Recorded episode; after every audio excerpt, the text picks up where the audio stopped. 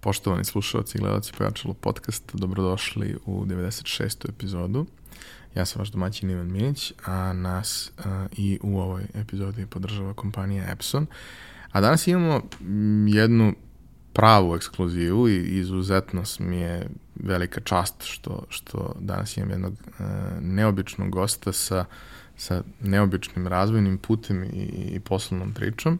A, danas imamo priliku da, da čujemo razvojnu priču Branka Babića, koji stoji iza e, metode koja se nekad zvala japansko iscrtavanje obrava, a danas je cijela njegova priča brendirana u, u okviru brenda Fi Academy. I osim što je made in Serbia, to je brend koji je zastupljen u celom svetu i meni se dešavalo da to što sam malo putovao po svetu, da, da viđem na, na salonima, da vidim na branding i logo i da mi bude puno srce, a nije mi se to mnogo često puta dešavalo u životu na taj način. Ovaj, uglavnom se dešavalo vezano za neke naše sportiste koji su pravili rezultate, ali to imamo i, i jednog čoveka, jednu priču koja, koja je globalna, koja je potpuno neverovatna, Branko, dobrodošao i hvala ti puno što si došao. Hvala tebi na jako lepom uvodu. Mnogo si me sad nahvalio, moram malo ja tebe. Uh, pre nego što počnemo da pričamo, voleo bi da, da ti kažem ovaj, i da ti se zahvalim prvo kao gledalac tvoje emisije, što praviš ovakvu stvar. Meni je puno pomoglo gledajući tvoju emisiju da, ako ništa drugo, donese možda neke odluke, gledajući tvoje goste. Prvi put kad sam vidio tvoju emisiju, ja sam moj prvi utisak je bio Isuse, kak je ovde mračno. ali, ali ovaj, onda je postala jedna od najsvetlijih uh, emisija koje ja gledam. I hvala ti na tome, a tek onda hvala ti što si me pozvao. Hvala tebi na lepim rečima. Znaš, ja, ja pokušavam nekako od početka i, i sa kolegama kad pričam koji rade negde slične stvari, pokušavam nekako da objasnim ljudima da ako, ako mogu da formiraju neku vrstu navike da gledaju neki sadržaj ili da čitaju knjige ili nešto, da u ovom konkretnom slučaju uh, imaju autora sa kim bi trebalo da izrade neku vrstu odnosa poverenja i da treba da gledaju i epizodu gde ih na prvu loptu gost ne zanima. Zato što nikad ne znaš šta možeš da čuješ i kako to može da se uklopi u nekakav ogroman, kompleksni puzzle tvoje priče i tvog života. Ja sam u toliko situacija saznao neke stvari iz, iz jedne industrije koja nema nikakve veze sa onim što mene zanima i video kako se to savršeno uklapa na potpuno Tako, nekom desetom da. mestu. E, to je upravo ono što ja radim. Ovaj, često mi se desi da, na primjer, iz gosti iz tvojih emisija ili slušajući ljude iz potpuno drugih nekih industrija, pokupim principe koje jako lako mogu da implementiram u moj sistem. I to je bogatstvo ovaj, širine kada gledaš, na primjer, i nekog ko je doktor, a ne baviš se time, kada gledaš nekog ko je fizičar, nekog ko je psiholog i tako dalje. Da, Hvala ti još jednom. Nema na čemu. Ja sam ti rekao i u, naj, i u pozivu i najavi, ovaj, ja sam ovo napravio da što sam ja hteo da čujem ove priče i verovao sam da postoji još neko ko to žele da čuje. Ispostavilo se da, da zapravo postoji. Ja sam taj. A, kako bi ti objasnio uh, ljudima koji ne znaju, a verujem da, da ima i dalje publike koje ne zna, posebno muške, ovaj, koji ne zna zapravo šta je to što vi danas radite? Pa, mi se bavimo, sad kada bih trebao da malo izdefinišem to s čime se mi bavimo, mi se bavimo na prvu loptu kreiranjem kurseva i kreiranjem proizvoda koje prate određene tretmane u beauty industriji. Znači, jedan deo kompanije se bavi time da kreira i prodaje kurseve, da obučava druge ljude u beauty industriji i drugi deo kompanije se bavi razvojem i distribucijom, odnosno prodajom proizvoda koji prate te tretmane koje mi obučavamo. To je onako uopšteno, međutim, ako bi zagrebali malo dublje u suštinu onoga što radimo, mi u stvari kreiramo uspešne ljude u beauty industriji. Kako? E, moment kada nekom prodamo kurs, kada nekog obučimo, je tek moment kada počinjemo da radimo sa njim. E, sama veština koju mi nekom damo nije dovoljna da bi neko uspeo. i ja nisam napravio nikakav veliki uspeh ako prodam kurs. Ja moram da imam čoveka kome sam prodao kurs, koga sam obučio da radi i taj neko mora bude uspešan da bi kupovao dalje tu opremu od mene, odnosno robu koju koristi u radu. Tako da je to, uh, kako bi na, na engleskom rekli, jedan opportunity dobar u, za mlade ljude u beauty industriji koji mogu da se obučem i koji će dobiti kompletnu podršku posle te obuke, ali biznis podršku. Uh, ja tačno znam, pošto sam prošao ceo taj put od salona, sticanja klijenata prvih, e, korišćenja proizvoda, odnosa sa klijentima. Ja znam ceo taj proces i to je ono što ja mogu njima da dam. Ne samo veštinu. Odnos sa klijentima je čak možda i važniji nego sama veština. Marketinške sposobnosti, veštine, načina koji komuniciramo i preko društvenih mreža i uživo su takođe čak možda važnije nego veština. A onda kada vi posle kursa date tu podršku u smislu marketinga, odnosa sa klijentima, sticanja novih klijenata i tako dalje, onda vi jednostavno radite na njihovoj karijeri. I oni to sve dobiju naravno gratis posle nas. Naš interes je da oni uspeju. I ako imamo zajednički interes, to je win-win. Ja mislim da uh, jedan od, od mada ceo razgovor će biti zanimljiv da se razumemo, ali jedan od, od, od posebno interesantnih delova razgovora koji nam sledi kasnije je upravo taj moment da a, to su to je jedna jako uspešna priča za tebe i za firmu, ali to je toliko mnogo pojedinačno uspešnih priča na najrazličitijim tačkama zemljine kugle, u najrazličitijim kulturama, gde verujem da u startu nije baš ni jednostavno kada, kada ulaziš na neko novo tržište gde ne poznaješ baš sve, ali je neverovatno ispunjujući iskustvo kada naučiš to i kada daš priliku i nekome ko je možda na nekom zatvorenijem, drugačijem tržištu da, da, da napravi sebi, sebi uspešnu priču. Jer u suštini to se na kraju svodi na to. Jedna stvar je da ti nekog naučiš zanat, veštinu, kako se nešto radi, ali da bi on bio uspešan, uh, on mora da, da, da, da formira i ceo taj korpus biznis znanja koje je zapravo vrlo teško sakupiti. I ako nemaš neko ko će da te vodi kroz taj proces, treba će ti mnogo vremena i mnogo uh, pokušaja i, i, i pogrešaka ovaj, da dođeš da. do, do zaključka. E sad, na primer, uh, meni je to bilo mnogo lakše da tako koncipiram taj biznis uh, kao jedan opportunity za mlade ljude, nego da idem, na primer, da idem po sajmovima Mi smo bili jednom na sajmu pre pet godina i tada i nikad više. Ja smo potrošili toliko energije i novca, to je bilo čini se u Minhenu. Razbili smo tamo, napravili smo ršu na tom sajmu. Stvarno smo bili možda najuspešniji štand ikada koji se tamo pojavio. Ali bez obzira na to, to je smešno u odnosu na ono šta mi pravimo online. Tako da sam tad bio na sajmu i nikad više, s tim da sam ja naravno tad imao jednu zabludu kada sam osnovno, kada sam osmislio tu metodu, da je to nešto za ljude koji se već bave permanentnim make-upom, da ljude koji su već u beauty industriji. I naravno ja i moj prijatelj Marko Kotarić, on je tad bio moj saradnik, napravimo prezentaciju lepu i nađemo 3000 različitih adresa na Facebooku, na, Insta, na taj Instagram nije ni postoji u stvari, na, na Googleu i mi svima pošaljemo. Ja sad očekujem, javit će se bar, ne znam, 10% ljudi, i videći da, da, da sam ja sa tom metodom napravio super priču i to još čak u Srbiji. Ja sam imao jako uspešnu priču sa tretmanima. Ovaj, I napravio sam je ovde u Srbiji. Međutim, niko se nije javio. Ali bukvalno niko. Možda jedan, je, jedna devojka tamo negde uh, iz Latino Amerike da se javila da pita šta kako, ali nije, ona. Međutim, ovaj, ali ja znam da ja imam uspešnu priču, Samo je pitanje na koji način i kako ću da je proguram.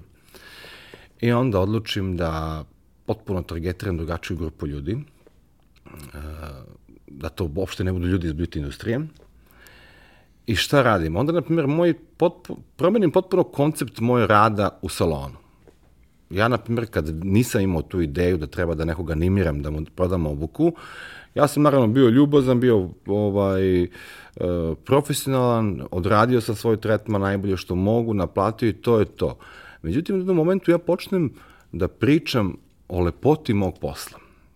I više ne pričam ja o tretmanu, nego tome kako se... Nego o lifestyle. o lifestyle kako se lepo zarađuje, kako ja za, za, za kratko vreme mogu da, da zaradim mnogo više nego, ne znam, doktor i tako dalje i to ljudima polako počne da se krcka, krčka u glavi. Naravno, ne pričam to ženi koja radi u banci, ali pričam devojci koju, za koju ocenim da, da je na početku negde karijere i da to može da upali kod nje. I to se stvarno desi. Krenu obuke u Srbiji kao lude. I šta onda još boostuje celu tu priču? A onda boostuje celu tu priču to što drugi vide kako je neko uspeo na konto moje obuke i moje podrške i onda ovaj, više tu nema problema. Onda je samo trebalo to replikovati na, na inostranstvo. A mislim da je vrlo bitna, bitna stvar to što a, time što si promenio koncept da to ne treba da bude neko sa velikim prethodnim iskustvom, Ne- si ne jako treba. spustio ulaznu barijeru i, i ono, probio taj strah kod ljudi koji joj ne znam da li ću ja to moći, pa ne umem, pa nisam nikad tako nešto radio, kad kažeš, e, super je što nikad nisi radio, naučit ću te sve, Izvini, ali ovaj, između ostalog to je jako važno, jedno od prvih pitanja je, ali ja nemam nikakvo iskustvo prethodno. Onda ja ispričam da ja tek nisam imao nikakvo iskustvo. Ja sam bukvalno došao u beauty industriju sticajem nesretnih okolnosti iz nekog potpuno desetog biznisa, bavio sam se prodajem garderobe. ispostavit će se, e, ispostavit će se srećnih okolnosti na kraju, ali dobro. Da, da, nikad ne možemo da znamo, da. Ali da, taj moment, de, mislim, mi često pričamo kao, kad, kad pričamo o nekom mom primarnom poslu koji je IT, ne kao, znaš, ne, nemam kao previše iskustva ili imam baš puno iskustva. Kad nemaš previše iskustva, ako imaš volju da naučiš, nije nikakav problem, naučit ćeš, nije to ništa što, ako imaš interesovanje i barem minimalno nekog talenta, naučit ćeš. A ako imaš pređašnje iskustvo, vrlo često možemo da dođemo do, do problema da e, zbog predubeđenja koje imaš i koje nosiš sa sobom, ti, ti to znaš bolje i ti bi to drugačije. Ovako se radi. Pa ne, ali mi smo ovako se radi i ne možeš da, da, da isteraš to ljudima. Da, ali onda, na primer, e, se postavlja to drugo pitanje. Jednog dana će naši svi studenti postati neko ko je iskusan u svom poslu, a doći će vreme kada treba metode da se menjaju. Ja sam toga bio svestan. I onda sam ja uvek, svaki godinu dana, nešto novo ubacio. Samo da ih jednostavno držim u treningu, da odbacuju što češće no staro kako rade i da non stop ubacuju neke nove alate, metode, načine i tako dalje. U smislu da usavršavaju stvar. Pa i da usavršavaju i da menjaju, jer sam imao taj strah da će, ne znam, posle 10 godina FI Akademija doneti novu metodu i svi će reći, joj, ne možemo da se bavimo ovim. I to mi se dešavalo. Naprimjer, mi smo boju za, za microblading do sada menjali pet puta. I svaki put kad je promenimo, izmenimo formulaciju, damo neke nove performanse, svi polude.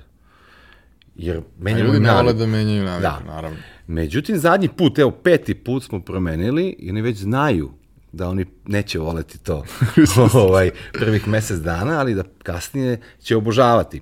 Isto sada, na primjer, ja mogu da poredim kad izađe novi auto neki. Ja kažem, ja, što je ružan, no, katastrofa, stari je bio sto puta bolji.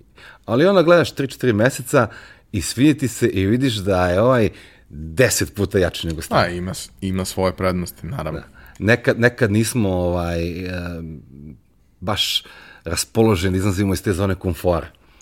Naravno, za preduzetništvo je to, to vrlo, vrlo negde bitno da, da si spreman da si spreman i na rizik, ne baš po svakom cenu i uvek, ali makar proračunati rizik, da si spreman da napraviš, kao bez rizika šanse da, da imaš neki rezultat su vrlo male, ali da si spreman stalno da učiš i da, ne, znaš kako ja, ja to nekad kažem, nije baš popularno da se kaže, implicira nešto što ljudi ne vole, ali meni je skroz ok da budem glup u društvu ako je dobro društvo. Znaš kao, nemam problem sa tim. Kaže, ja, ja tebe pitam, ja ne znam bre ništa o obrvama, kao, ja, pošto sam plav i to ja skoro da i nemam obrve, ne razumem kako funkcioniš, ali pitam tebe i ti mi objasniš. Ne pitam, mogu ja pitam pet različitih ljudi, ali nađem osobu za koju mislim da stvarno ima šta da mi kaže, na, i onda, znaš, ko, to istražim, uklopim, nađem nešto što, na osnovu čega mogu da formiram neko smisleno mišljenje. Trudim se da, da ne, ne pričam to ljudima koji misle da, da je u redu da formiraju mišljenje o medicini, nauci i ostalom na osnovu ja ću YouTube-a ti i kažem, ja istraživanja. stvari koje Ali- ne znam, o, o, stvari s kojima nemam iskustva, o njima imam mišljenje. Eto, toliko je vredno moje mišljenje. Naravno, mislim, i, i treba svi da imamo mišljenje, ali kao ako to postane značajna stvar, mm, jako, je, potkrepi to mišljenje. ja, jako je velika razlika između mišljenja i znanja. Naravno. A, ja sad morate vratiti malo nazad. Zato što mi imamo tu praksu, što kao gledalac, znaš, mi imamo tu praksu da ispričamo razvojni put, a razvojni put kreće od, pa možda ne baš od pelena, ali, ali relativno blizu nakon tog nekog perioda. Ja sve svoje goste pitam šta su teli da budu kad porastu. Jo, ja sam teo da budem bogat. Uvek sam to mašta. Iskreno. Nisam sad želeo da budem doktor, advokat, nisam imao te želje. Samo me zanimalo da, da živim lepo i da imam lep život. A jesi imao neka interesovanja koja su te vukla ka, ka nekoj Stalno oblasti? sam imao neka interesovanja. Doduše u gimnaziji sam, ovaj, bio sam jako loš učenik, baš jako loš. A, na primjer, filozofija me oduševljavala. I provodio sam svo slobodno vreme čitajući filozofiju. Radio sam uh, završni maturski rad iz filozofije, radio sam stoicizam. I to je bila jedina oblast koja me, koja me obuzimala i koju sam mogao da se posvetim po ceo dan. To i igrice na kompjuteru. A se na prvi na kraju ispostavilo da su te dve stvari bile ključne meni za biznis. Verovo ili ne. Ja sam, na primjer, kroz filozofiju naučio, pogotovo od pre Sokratovaca, jako puno o tome kako da uopšte posmatram na život. A iz igrice sam izvukao to kako da... Tu sam otkrio možda, da kažem, pointu marketinga. Ja sam bio oduševljen time kako me, na primjer, igrica Scarface, ona Tony Montana, može da me zakuca 10 sati da igram. I kako me animira da 10 sati provedem na toj igrici gubeći vreme. Šta je to? I na primjer, ali tad nisam to mogao da shvatim, ali sam kasnije shvatio da su to u stvari leveli. Da ona od mene traži da ja nešto uradim i nagradi me s nečim. I to je bila meni magija. Šta pišar ga rep? Da. E sada, naravno, ono, onaj ko se bavi marketingom danas to radi na vrlo neetički način, a ja se trudim da to uradim na etički način. Znači da nekom privučem pažnju u beauty industriji, da se bavi biznisom, da se bavi poslom, da ne gubi svoje vreme, da provede puno vremena učeći. I tako sam ja iz te igrice izvukao levele, koje ja danas one su osnova u mojoj akademiji. Idemo, imamo šest levela, od studenta do grandmastera. I za svaki taj level postoji tačno definisana pravila i ne trebaš ti da nikog vučeš za rukav da bi napredovao. Znači, tačno piše, uradi to, uradi to. Kad uradiš to, ideš na sledeći level. Kad uradiš to, uradiš to, ideš na sledeći level. I svaki level ima svoje ovaj zahteve, znači moraš nešto da ispuniš, i ima svoje benefite koje ostvaruješ.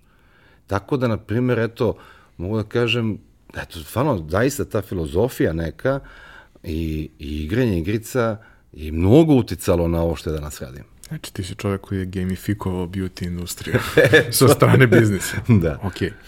A, šta si, da kažem, ono, od formalnog obrazovanja završio? U kom trenutku si krenuo nešto da, da, da radiš? Od čega si krenuo? Od formalnog obrazovanja sam završio jedva gimnaziju, iskreno. Ja nisam uopšte voleo školu. Ne, ne, ne kažem da nisam voleo da učim. Jako sam voleo da učim, ali ono što me zanima, međutim, ovaj, školu sam iskreno završio na foru. Ali sam tek kasnije shvatio koliko mi nedostaje. Znanje. Naravno, ne to gimnazijsko znanje, ali opšte znanje. Ja sam sad, na primjer, upisao ja sam oduševljen kad sam otkrio Mokrogorsku školu menadžmenta. E, na primjer, Srđan Janićević može da ti bude jako dobar gost. To je bilo da, jako, jako važno za, za tvoje gledalce. Ovaj, ja, meni je ta škola promenila isto tako, kao, kao što mi je filozofija i, i ovaj, i igranje igrica promenilo biznis, tako mi je njegova škola promenila potpuno ovaj, shvatanje tog školovanja. kažem, formalnog. Iako je njegova škola spada u neformalno obrazovanje. Mislim da je to jedan od razloga što je, što je uspešno, što je izvukla esenciju od onoga što, što je bitno. Pa, da vam kažem, iskreno, po meni, e, sam, sam taj pristup srđanov ovaj, učenju i školovanju drugih ljudi je jako uzvišen. On je čovjek koji je prošao naj, najveće, da kažem, menadžerske pozicije koje možda mogu da se po, prođu na ovim prostorima, ne znam, od direktora uh, Filipa Morisa do direktora ili nekog jako, jako visoke pozicije kog koli, mislim da je čak bio direktor. Bio je direktor, direktor a mislim da ne možeš da budeš više nego da budeš direktor Coca-Cola. Eto, onda si u jednom momentu direktor politike, bio je direktor politike takođe. I sad zamislite da imate mentora, profesora, neko ko je prošao ovaj, takve sisteme, a s druge strane da, da to, ne možete uporediti sa klasičnim obrazovanjem. Bez obzira, ja ne pocenjam jednog profesora, ali ovaj, tačno vidite stvari koje je on prolazio i stvari koje se tamo uče i implementirati ih jednostavno, direktno, odmah u svoj biznis, kao u venu. Tako da, ovaj, eto, na primjer, kad pričamo o tome, ja još uvek nisam završio. Ali, ovaj, u procesu sam. Ali, na primjer, to je nešto što ne mogu da nazovem onom klasičnom, klasičnim formalnim obrazovanjem koje sam imao. Upisao sam posle gimnazije ekonomski fakultet, studirao sam četiri dana, kukao sam i molio roditelje da me da mi dozvole da napustim školu, ali e, nisam napustio školu i otišao na ulicu, nego sam uh, hteo da radim kod oca u firmi. To je još, jedna, još jedan po meni jako važan preduslov što sam se uopšte otisnuo u preduzetnike, to što sam gledao ceo život oca preduzetnika, bez obzira na to koje on sve probleme imao u svom poslu. Ja nikad nisam imao dilemu da ću se negde zaposliti, da kažem, ja, ovo je sad strašno, šta se njemu dešava, idem ja bolje u neku državnu firmu. Iskreno, nijednog sekunda se nisam razmišljao, a ovaj, i to mogu da navedem, eto, kao, kao jedan a, dobar preduslov za mene, ali mi je takođe jako bilo značajno to što sam odmah ušao u njegovu firmu, do duše ušao sam na pozicije, nisam stvarno bez obzira što imao dobru vezu kod njega, nisam nijednom dobio poziciju, čak sam i napustio tu firmu sa loše pozicije. Radio sam prvo na, u ovoj proizvodnji sveća, na ekstrauderu, na mašini, tu sam radio sinom godinu i po dve dana, i to mi takođe isto dalo jako puno ovaj, dobrog iskustva, najpre, ako ništa drugo, odnos sa ljudima koji su u proizvodnji. A ja danas imam isto proizvodnju i znam kako je tamo raditi. Onda sam bio vozač, A onda u jednom momentu, sad ne znam da se ti sećaš, ovaj, da je bilo neko vreme kada su veliki mnogo ucenjivali male dobavljače, a, ovaj, pa smo imali problem sa svim tim našim kupcima koji prvo ih čekaš 90-120 dana, a onda on posle 120 dana kaže uzmi kompenzaciju neku, iskompenziraj i ajde. I onda ovaj, smo kompenzirali bili primorani da otvorimo ne, mali lanac marketa, a onda sam ja bio uključen tu u tom lancu marketa kao snabdevač voćem i povrćem. To sam isto radio nekih godinu i nešto dana i tu sam naučio možda najviše i najvrednije stvari. Eto, baš u tom poslu. Verovalo ili ne. Mislim, svako iskustvo koje, koje pokupiš u životu kao znači nešto. Sjećam se davno, imali smo neki razgovor, opet neki, neki krug kolega gde kao zapošljavaš, uh, otvaraš pozicije koje su za klince koji nemaju iskustva ili imaju vrlo malo iskustva. Nije, nije uslov da ne treba da imaju iskustva. Mogu i da imaju, ali obično nemaju. Obično su to ljudi koji, koji nemaju previše iskustva i kao diskusija, naravno, nema tu previše kandidata, ima smisla pričati sa svakim, svaku individu ima neke svoje kvalitete, ali kao kad gledaš realno prazan CV sa osnovnim podacima i eventualno fakultetom ili možda nekim letnjim poslom i kao, znaš, gledamo dva CV-a koja su faktički ista, jedina razlika je što je jedan radio godinu dana u fast food. I kao, šta misliš ko je spremniji za ovaj posao koji nema nikakve veze sa tim, koji je potpuno ono marketing, digitalni, pa ovaj što je radio u fast foodu. Pa što on? Je radio godinu dana u fast foodu, on zna šta je da. odgovornost, on zna... Ma zna šta je procedura, je tako ništa drugo. Znaš, ima uhodano to da te dečije bolesti sa kašnjenjem sa kašnjenjem na posao i slično neće, Da. neće se verovatno dešavati. Evo šta mogu, na primjer, da, da, da ovaj, bilo bi možda lepo da objasnim zašto sam te neke važne stvari naučio u tom, toj, u tom snabdevanju voćem i povrćem. Ja sam se, ovaj, bio sam jako velik zaljubljenik u pecanje. I išao sam svako, svaki dan kad imam slobodno vreme ili vikend, ja sam bio na pecanju. I onda smo jedne, jedno, jedne godine bio sam u Bačkom Jarku, zove se Ribnjak jezero, pecali smo na Ribnjaku. I sad tu poređeno je 20 ljudi, ima to na mesta. Svako ima svoje mesto i peca. I taj dan, ma, nema šanse da uvatimo ribu. Niko, osim jednog lika koji tamo sedi na mestu broj, čini mi se, dva ili tri, nije baš bio prvi, ubi čovek. Samo zvone one pecaljke, vadi, nestaje. I sad naravno, ono kako smo svi mi pecaroši koji u lovcinu malo sujetni, ćuti, puši, peca i gleda i tamo nešto promeni, ali mm, glavnom ga malo mrzimo. Međutim, pred veče on odjednom, wow, dža, bu, mi svi se okrećemo, on, ma šta, štap se savio do zemlje, ovako, znači nemo kao da je kita upecao. Uhvati čovjek šarana 25 kila, ja to nisam nikad vidio u životu, to je grdosije. Mislim, tad nisam vidio, posle sam vidio, vidio i veće. I sad nema tu više ono sueta, ovo ono, ajmo svi da vidimo šarano 25 kila, jevi ga. I odemo tamo, slikamo se dvoje, trojec, hoćemo sad svi, ali čovek kaže ne, uginuće, dajte pustimo ribu u vodu i uzme nam ribu i pusti u vodu, jer se tamo na tom ribnjaku se ne nosi riba kući, nego se peca sportski. I sad, naš, svi, pa koje bojle koristiš, pa koje štapove imaš, pa, mislim, maltene, koji si čizme ovuko. Ali to nema nikakve veze. Međutim, na kraju čovjek uzme i upiše. Šaran, 25 kila, vreme to i to, vazdušni pritisak taj i taj, e, temperatura ta i ta, ma neke podatke koje ja nisam mogu uopšte da, da, da povežem da imaju veze sa ribom. Ja meni to bilo, bi- bilo čudno, ja kažem, mogu da, da vidim samo šta radite, kaže, može, naravno, kao vodim ove, ove cikluse. Kakve cikluse? Pa ne znam, kao pišem svake nelju dana, kad sam bio na pecanju, sve ove parametre, to je 20 parametara nekih, bukvalno.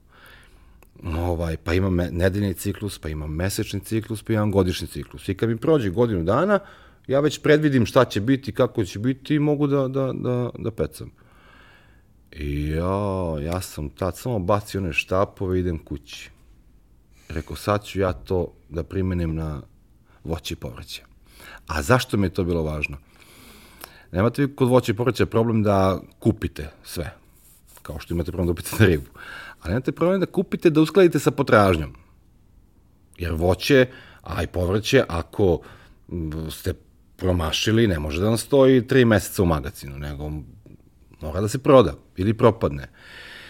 Krenem ja da vodim ovaj dnevnik i upisujem kad je bila plata, kad su bile penzije, kada je koji um, praznik u Srbiji, kada se radi, kada se ne radi, na primjer 1. maj i tako dalje.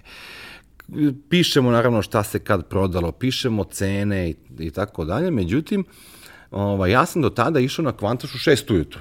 Ja sam išao jako rano. Pa sam shvatio da u stvari u jednom momentu idem jako kasno. Da, da. Pa sam krenuo u 12 da idem na kvantaš. U kva- 12 se kvantaš otvara. I sad sam onda primetio, vodeći isto tu, tu ovaj, taj dnevnik, da roba i cene koje se pojave u 12 nemaju veze nikakve s onim cenama i robom koje ja imam u 6 ujutru, isto takođe ni sa 3 ujutru, nego jednostavno to je, tad sam prvi put vidio kako funkcioniše market, ponuda, potražnja. Ako je stiglo 5 tona kupusa iz, ili 20 tona kupusa iz futoga i ovaj, u 3 sata nema, taj kupus vredi kao zlato ujutro. Bez obzira na to da li vi možete ili ne možete ga prodati. Znači njega nema. I cena ide gore. E, onda ovaj, e, dođem u jednom momentu, e, to je mene toliko obuzelo, da sam ja svako veče išao. Ja više nisam ni izlazio, nisam se družio s nikim. Ja sam svako veče išao u 12, zamislite, ne spavate celu noć, ali sam posle godinu dana ja bio maher. Posle godinu dana ja nisam morao uopšte da idem na pijac svaki dan. Ja sam mogu da idem jednom u tri dana. Jer sam znao šta ću kad prodati, koliko ću prodati. Znao sam uopšte okruženje tamo oko tih prodavnica, kako diše, funkcioniše. Dok vidite, taj dnen, moj dnevnik tih parametra, vi biste se začudili koliko tu je upisano stvari koje nemaju veze, apsolutno na prvi pogled, nikakve sa time kako će prodavati voće i povrće. Ali bukvalno. Međutim, šta se desi? E, prođe godinu, godinu i po dana, pa skoro dve, i ja zaluđen time i tom željom da što budem bolji u tom poslu, ja ovaj, izgubim zdravlje. Sam bio potpuno iscrpljen, potpuno neispavan, e, u jedno jutro samo probudim i ne mogu da ustanem iz kreveta. Ali bukvalno ne mogu, nemam snage. I doktor ispitivanja i tad vidim da, da mi je toliko pao imunni e, sistem da sam ovaj, uh, dobio adenocitomegalovirus. I nema tu ovaj nekog specijalnog leka, osim da se diže imunni sistem, se piju vitamini i tako dalje. Međutim, ovaj, kada sam ozdravio, onda sam rekao, ok, ipak sve super, ali ajmo da primenimo sad sve ovo nešto drugo. Nešto što ne mora da se ide celu noć. E, tako. E, onda, ovaj, šta ću, kako ću, odluč, vidim ja da ja kod Ćaleta u firmi tu ne mogu da, da, da, da primenim ništa to na neke druge stvari i odlučim ja da napustim Ćaleta u firmu. I on je to jako teško prihvatio, sad je naravno radi kod mene u firmi i sad je sve okej. Okay. ovaj, ali, na primjer, sećam se, odlučio sam se bavim prodajem garderobe. To mi je bilo zanimljivo. Naravno, po, imao, imao sam tu sreću da sam upoznao uh, jednog komšiju koji je to donosio iz Kine, ja sam uzimao njega na revers i prodao. Pritom, nov sam u Novom Sadu, niti imam prijatelje, niti imam poznanike i to je bio jako veliki izazov. Obzirom da je mnogo lakše prodavati garderobu kada si u nekom okruženju, mislim, to je samo u startu mislite da je mnogo lakše, ali zapravo se na kraju ispostavlja da je mnogo teže, kad imate puno prijatelja. Lakši je početak, ali limit je ne, dosta niži. Vidi, ne bi rekao. Iskreno, čak ni početak, a mogu da objasnim zbog čega, mislim tako. Uh, uglavnom krenem ja u prodaju garderobe i sad polako ispitujem tržište. Šta ide, šta ne ide, zbog čega to što ide, ide, a zbog čega ono što ne ide, ne ide. I naravno onda u jednom momentu, uh, da, u startu sam ja ovaj, uh, uzimao od njega robu, išao sam u Tursku po robu, donosio sam, na osnovu onoga što se meni dopadalo i što sam ja mislio da će da se proda. A to kad donesete u, u butik, odnosno ja nisam imao butik, tad ja sam imao neki showroom, to nema neke veze s onim što će se stvarno prodati. I to ne možete predvidite na taj način ako idete po svom osjećaju i po svojim, da kažem, nekim ubeđenjima ili po tome šta se vama dopada. Apsolutno pogrešno. I onda ja krenem opet polako da pravim taj svoj ovaj program. I onda i čak i u to vreme su postojali influenceri, samo se nisu tako zvali. Ne znam, sećam se. I to nisu čak bile mnogo velike neke poznate javne ličnosti. Na prvom Novom Sadu Jelena Bačić Alempić, bez obzira na to što nije ovaj, neko ko je toliko poznat, na primjer, ona je, ona je imala, ja, ja znam ako ona obuče uh, u emisiji uh, crvenu rolku, lupam, dajem primer, ovo, ja znam da ću prodati 20 tih rolki. A da ti što su kupili, nemaju pojma zbog čega su kupili tu rolku. Tako je funkcionisalo. Onda ja sredom odem i kupim 10 časopisa, znam tačno emisije koje gledam, ja odgledam emisije, odgledam, upišem ko je šta imao, šta je šta je nosio, kupim novine, naslovna strana, kogod daje, na, ne, ne znam, nekim novinama koje se reklamiraju na, na TV-u, ta devojka je za tebe pokazati šta ti moraš da imaš u salonu odnosno butiku. Tako da, ovaj, ja sam onda u jednom momentu jako brzo, već posle, ne znam, šest meseci, tačno imao pravilo, to, to, to. Ja sam mogu tebi da kažem, evo ti, sveska po ovom pravilu, idi i ti ćeš da razbijaš posao. Ali samo je bitno da, da, da ne uključujemo mozak i da pustimo šta se nama dopada. Ne, to ne funkcioniše. ne uključujemo emocije. Pa ajde da kažemo tako. Da, aj samo da se vratimo malo pre na ono pitanje zašto ovaj, sam ja u stvari bio u prednosti u prodaj garderobe u odnosu na nekog ko je tu žive u Novom Sadu i odrasto imao stotinu prijatelja. Prva osnovna stvar, ja nisam nikom mogao da dam na, na dug. Sad zamisli, a na primjer kad, sam do, kad se vratim u Ratkovo, ja moram, ono svi brate, a evo, do prvog, do ovog, do onoga, ja sam da posle izbjegavao da idem u Ratkovo i da bilo kom šta da prodam, jer ne mogu da mu dam, ovaj, da mu kažem ne mogu, ne dam. A u Novom Sadu, na primjer, nisam imao puno prijatelja i možda je glupo reći, to me puno puta spasilo. Ne znam sad, ovaj, prijatelji su jako ovaj, lepa stvar, ja ih nemam mnogo, imam jako mali krug prijatelja i to su mi uglavnom prijatelji ovaj, s kojima sam odrastao, ali poenta je ta da prijatelji često nesvesno i ne razmišljajući mogu da vam nanesu jako velike probleme. Tako da, ovaj, eto, verovatno će se, većina se neće složiti sa mnom, ali ja slobodno mogu da kažem da je to jedan od razloga zašto naši ljudi uspevaju kad odu napolje. Pa dobro, s jedne strane moraju, jer ne da. postoji alternativa, a s druge strane imaju negde možda i malo da kažemo, stimulišuće okruženje. Ve, veo, verujem Ivane, ovaj, kada analiziraš neki problem u životu koji ti se desio, nemoj da budeš iznenađen da ćeš dubokom analizom doći do nekoga ko ti je prijatelj. E, znaš šta recimo dosta često isto kad, kad kao pričamo sa ljudima, ovaj, kad kao pričamo na temu validacije proizvoda na tržištu, da li ima smisla da se nešto krene, da se proizvodi ili ne. I kao je, je spitao nekog za mišljenje, jesam, majka mi je rekla da je super i prijatelji su mi rekli da je super. Dobro. To ne znači ništa. Mislim, oni su ti rekli da što te e, vole. Da, samo... A možda evo... i jeste super, ali to ne znači da su oni ili bilo ko drugi spremni da izdvoje novac i onoliko novca tako koliko bi ti hteo. Tako je. Naprimer, kada, obično mladi ljudi kada se upuštaju u nešto, oni oslu, osluškuju reakcije ljudi koji su im u okolini. Ali te reakcije su često tapšanje po ramenu iz prostog razloga što ovaj, ti je nekad žao da nekom kažeš iskreno šta misliš o tome, a s druge strane, često ćeš imati situaciju da neko kaže, no, a to nije dobro, a da uopšte nije, nije, nije prava informacija. Jednostavno, u okolini, okruženju se ne uzimaju informacije, feedbackovi o, o, o idejama, o strategijama, o biznisu i tako dalje. Postoje, naravno, e, testovi, postoji način na koji se to ovaj, meri, izračunava, ali to je mnogo daleko od ljudi koji su u okolini.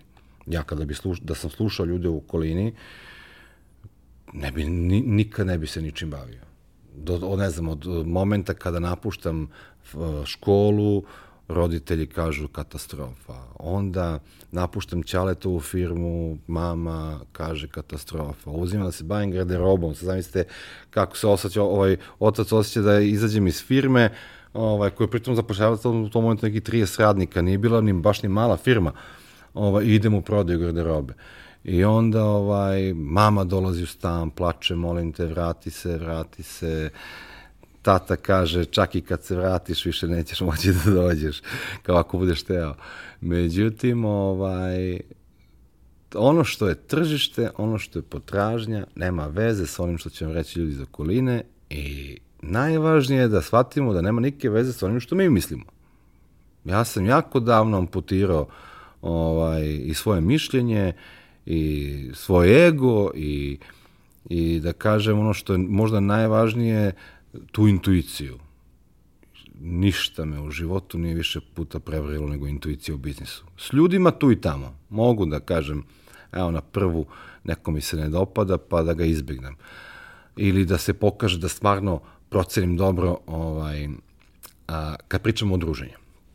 Kad pričamo o biznisu, ja sam katastrofa tu ja sam, ovaj, ja sam toliko napravio grešaka na osnovu te intuicije, da sad stvarno, znači kad, bukvalno mi intuicija važna koliko i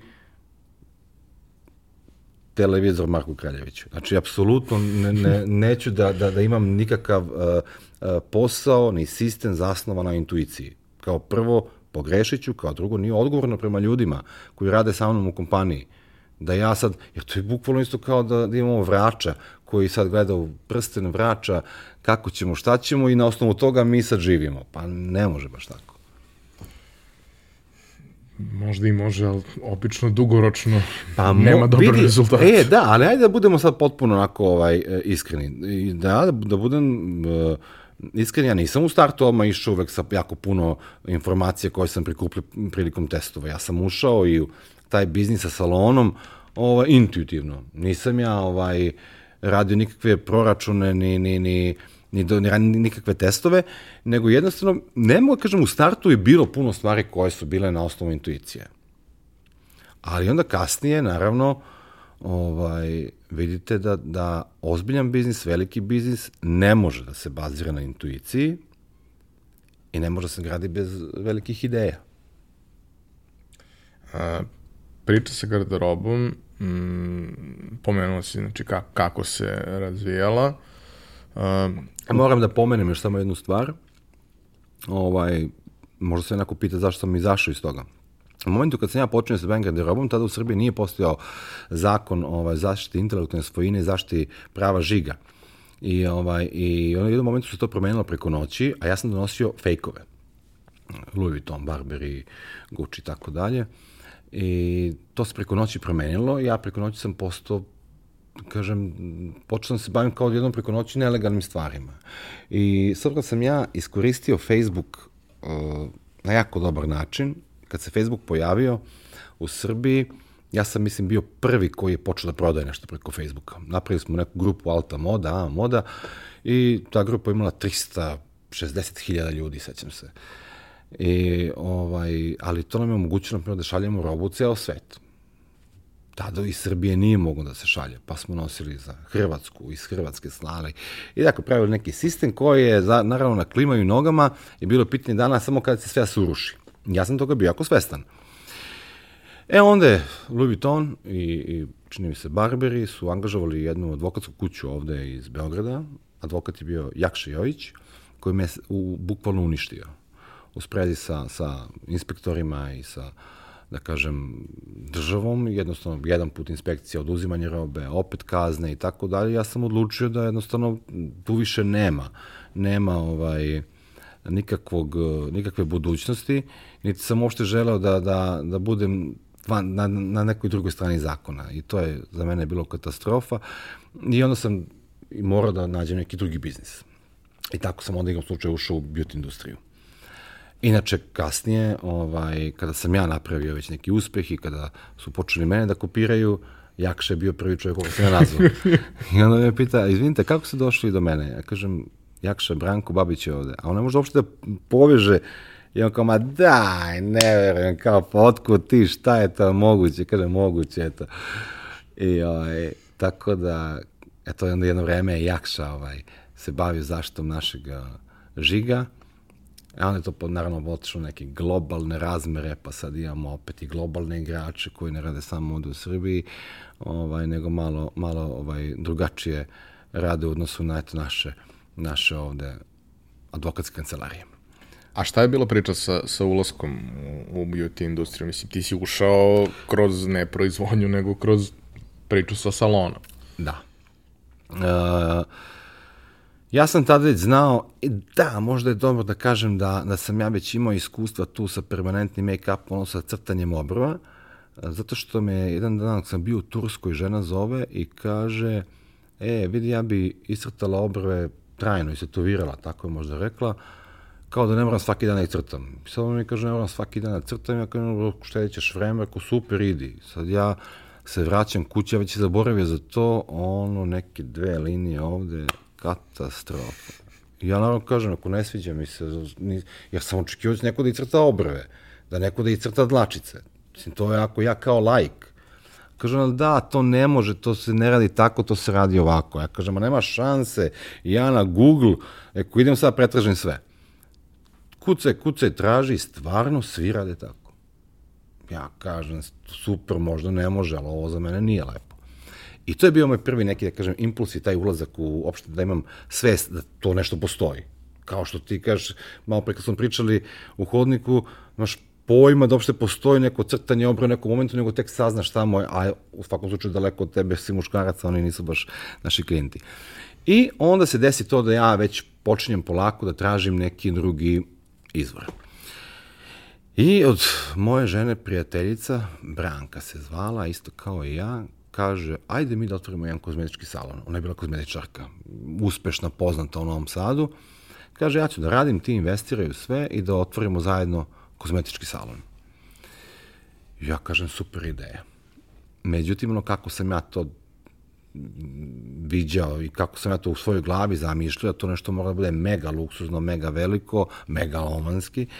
Ja otvorim ogroman salon, doduše ne kažem sad otvorim, to je trajalo šest meseci, su trajale pripreme, zakupim ovaj ogroman prostor, to su bili kristalni lusteri, stilski nameštaj, tapete najskuplje koji su mogli da se nađu, mašine, sve moguće, e, ma otvorim ne znam s čime bi to uporedio. To je bilo samo lepo da prođete da vidite. Ne treba ništa. Međutim, e, da, ja i Branka naravno svaki dan to sređujem, ona mi kaže da treba bude soba, ovde treba da bude pedikir, manikir, šminkera i frizera i masaže i sve to tako oblikujem kako ona meni govori, sprem njenog iskustva, naravno zna bolje. I svetim se bio je petak, e, lažem, ponedljak. I u ponedeljak ja zovem, već sve, završili sve na mašine u salonu, sve spremno i zovem ja da je pitam koliko će biti gostiju, pošto u petak planiramo da otvorimo. Kaže ona meni, ja, Branko, izvini, nisam ti se javljala ovih dana, ja moram da ti kažem da sam odustala. Jo, ja šokiran. Ja zaustavim auto, ja sam mislio da sanjam. Kaže, ovaj, i da, ja, ja u tom šoku kažem, ok, toko sam bio izgubljen. I stanem prvo razmišljam, rekao da nije možda prvi april, nije, ono već bio neki, neki septembar. Sanjam, pa se štipam. Sada možda da misliš, uložio sam sve što imam. Sve što sam u životu do tada zaradio, ja sam uložio taj salon. Ja je okrenem, kad sam se malo smirio ponovo, rekao, Branka, ko ti to mene zezaš? Jao, ne, pričala sam s Nenijem, pričala sam svojim klijentima, oni nisu navikli da dolaze u salon, oni su navikli da dolaze kod mene u stan, njima je to opuštenije, mislim da to, sad ne vredi tu više dolaziti u raspravu, ni što si mi rekla ovo, ni što si mi rekla ono, završim ja tu priču, međutim, tu nema predavanja, ja naravno se rastrčim po gradu i dam uslove svim ljudima koji bi trebali da budu kod mene u salonu, neke ludačke, samo da dođu, samo da krenemo, pa ćemo vidjeti šta ćemo kasnije. I u petak mi otvaramo salon, pozovem ja prijatelje i da, ja stvarno do petka već nađem, skoro sve pozicije popunim, i šminku, i frizera, i masaže, sve, sve, sve. Ovaj, popunim ja to, osim trajne šminke, to nisam našao. I u petak mi pravimo otvaranje, e, ovo je bilo ludilo. Naravno, muzika, trešti, ovaj, gosti se već napili i neko od komšija zove policiju. I dođe policajac, onako jedan, mislim, fin čovek, traži ličnu kartu, međutim ja nisam imao, e, pošaljem sestru kući da donese, a jedna pijana gošća izađe i sad tu počne onako baš da provocira. I on naravno kaže njoj, ovaj, dajte mi ličnu kartu, ona mu tako bezobrazno odgovori i tako uđe neki konflikt, da je to bilo strahota jedna. Epilog svega toga, ja i svi gosti na otvaranju salona prespavamo u ćeliji. Interventa nas pokupi sa dve, sa dve, ovaj, sa dva kombija i mi tu noć... Dobro. Da, da, jako, jako lep početak. Međutim, onda, dobro, prođe sve to. Ja se, ovaj, ja se inače nešto ne, ne bavim uh, jadikovanjem stvarima koje su, su mi se desile. Međutim, ovaj, krenem da, da malo ispitujem tržište i opet se počnem polako da koristim one moje ovaj, algoritme i istraživanja i shvatim da ljude apsolutno ne zanima ni vaš kristalni luster u salonu, ni stilski nameštaj od ne znam koliko hiljada evra, ni tapete, ne zanima ih ništa. To je bilo pre Instagram. Da. Ma vidi, veruj mi i sada. Šalim veruj mi i sada. Ja mogu da ti kažem sad na osnovu iskustva. Ja, prva stvar kad neko kreće biti, to ti kažem samo zaboravi da otvaraš salon. Ta ti muka ne treba nego ćeš salon da napraviš kao neku krunu uspeha na osnovu tvoje veštine, a ti gde ćeš raditi pre toga, apsolutno nevažno. Međutim, nije toliko, toliko ljudi, ljudima važna i cena. Ljudi hoće da plate puno, ali moraš da im pokažeš, da im daješ neki stvarno dobar kvalitet i da si drugačiji od ostalih. I naravno, pošto mi to imali, e da, to je isto važno, u jednom momentu ja nađem čak i tu devojku koja će raditi permanentni make-up, jednu ženu, I sad ja upoređujem ko je koliko potrošio vremena, ko je koliko zaradio, ko je ovaj, najuspešniji bio, koji tretmani prolaze i naravno odjednom mi sine da je taj permanentni make-up wow, jer on, onoliko koliko ona zaradi za sat vremena rada u salonu sa klijentom, toliko mi, na primjer, masarka zaradi za 10 dana. Ali bukvalno. To, za 10 dana joj treba da ona meni donese onoliko ovaj, koliko mi donese ova žena sa crtanjem usana ili obrva. I ovaj, u jednom momentu mene to zainteresuje, međutim šta se već tu dešava? Ja nemam više materijala za, za istraživanje, jer salon propada sa radom. Nema klijenata, nema... Mi osim što smo lep salon, nismo ništa drugo. Znači, bukvalno nudimo samo klasičnu uslugu u lepom salonu. A ljude stvarno to tad nije zanimalo, a mislim da ni sada nešto specijalno. I onda ovaj, u jednom momentu već salon počinje loše da radi ja onako, bukvalno vatanje za, za neku zadnju slamku, otvaram neke kutije sa tim permanentnim make-upom koji su mi bile neotpakovane, zato što je ova žena donosila svoj materijal, i nađem tamo neku, neku, neki nožić. I sad ja pokušam taj nožić da stavim u onu mašinicu, ne vidim da ne ide. Zovem Dekija, ovog drugara iz Kine, da ga pitam šta fali, koji deo fali na mašini, ne mogu da ga da, da ubacim to u mašinicu. I on, ka, i on me zove, pita Kineza i kaže to je ovaj, za ručno iscrtavanje. Sam mi kaže ručno, ja kontam to je s prstom, znaš, uzmeš i iscrtavaš. E sad, na primjer, taj nožić, on je to zapravo nije nožić, nego niz od uh, iglica kojima vi radite shading, odnosno senčanje kapaka. Taj nožić koji sam ja imao uopšte nije služio za crtanje obrava. Iako sa vrlo sličnim nožićima u Kini se tad već to radilo. Kina, Koreja je već imala nešto slično, ovo slično tome, ali potpuno drugačija tehnika.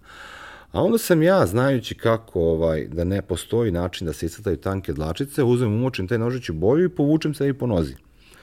I onako obrišem i vidim nema ništa. Kažem, a kako je moguće da nema ništa, baš sam stisnuo. I onako pogledam malo bolje i vidim dlačica koja je ista kao i moja na nozi. Apsolutno identična. I ja kažem, evo to je to. Uzem, pošto nisam, bilo mi nezgodno, ja uzem da vežbam na nekim ovaj, kožicama, eh, da probam da nacam celu obrvu, bez ikakvog znanja i iskustva, I pošto je bilo teško da držim sa prstom taj nožić, ja uzem od sina neki plastični eh, štapić za suši, bio sećam se neki Tomas Vozić, ja zagrijem taj nožić, nožić i gurnem to u tu ovaj, plastiku i time sam crtao. I tako sam radio prvi tretman. I da, pozovem jednu prijateljicu, moja Jelenu Zonić, i kažem, preko, hajde dođi ko mene nešto probamo da uradim. A ona naravno ima poverenje u mene, pa nije pitala ni šta, ništa, samo kaže, evo dolazim. Sreća pa nije na glavi. da. e da, i dešava se to, da ovaj, ona dođe, ja ne joj icrtam obrve, kako sam ja to u glavi zamišljaju, ne, prom, ne promašim ja tu mnogo, ali uh, u smislu rasporeda dlačica i oblika, ali promašim potpuno u metodi. Umesto da sam bockao i radio taj tu soft up tehniku koja je već postojala, ja sam zarezivao kožu, a naravno jako onako površinski, da tad, tad čak nije ni krvarilo, ona onako se pogleda posle tmana, ja oduševljena sva, ja isto oduševljen. Ja rekao je ovo, ja objavim sliku na, na fejsu, novi tretman u salonu. I počnu ljudi da se javljaju masovno. Eto, to je sad na osnovu toga što se rekao... Ali činjenica je to što ti kažeš, mislim, koliko god se ja ne razumem, imam oči. ovaj, to kako je pre uh, izgledao ceo proces je bilo zaista potpuno bez veze i nije moglo uopšte da, da oponaša izgled da. bilo čega prirodno. I nije samo problem to, problem je to što čak i, evo i danas i sa ovom metodom koja stvarno pruža mogućnost da napravite savršeno prirodne obrve. Vi ako imate artistu koji sluša klijenta, ovaj, neće jaći na dobro. Klijentu date ogledalo, I onda on kad gleda ako blizu, on vidi svaku rupicu tu u obrvama. I daj, dodaj mi ovde, dodaj mi ovde, dodaj mi ovde. I sad ako ga vi slušate, vi ćete mu dodavati to i on će biti zadovoljan kad se gleda na maloj nekoj distanci. Kad se pogleda na ogledalo e, na distanciju 2 metra, vi vidite samo dve linije. Bez obzira što dlačice, ali tu više nema efekta te prirodnosti. I zato je jako važno da, da, da isto izbegnemo klijentove ovaj, upute u to kako treba se tretman. Obrve prirodne imaju rupice. Ima, nisu savršene, to je poenta. Ne treba da pravimo savršenstvo ovaj, oblika, nego baš nesavršenstvo. E, da se vratim na priču, u salonu, ovaj, ja, ja dam taj oglas, uh, krene, ljudi, žene počnu da se javljaju i ovaj, između ostalog jedna se javi i sad zakaže tretman kod mene, dolazi iz Beograda i kaže, ovaj, pita, kako se zove ta metoda? I sad onako ja gledam onaj štapić za suši, kažem, japanska metoda. da. Nema nikakve veze sa Japanom. Čak ima na YouTube-u, ovaj, bila nam je jedna Japanka, stvarno iz Japana na obuci u Beogradu i ona kaže, čekaj, čekaj, prema što počnemo da radimo, ajde, molim te da vidim, ovaj, zašto se zove japanska metoda kad niko u Japanu nema pojma o čemu se to radi. I onda ja ispričam, naravno, kako. Ovaj, I ta japanska metoda posle izbacimo iz upotrebe, objasnit ću i to zbog čega.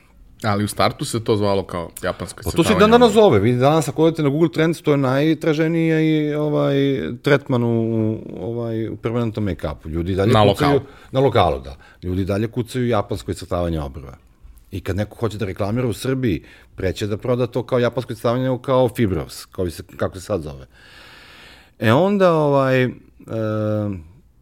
se dešava to da prođe nekih nedelju dana i ja zovem ovu prijateljicu, ovu Jelenu, koju sam prvo icrtao. Rekao je, kako je sve, si zadovoljna?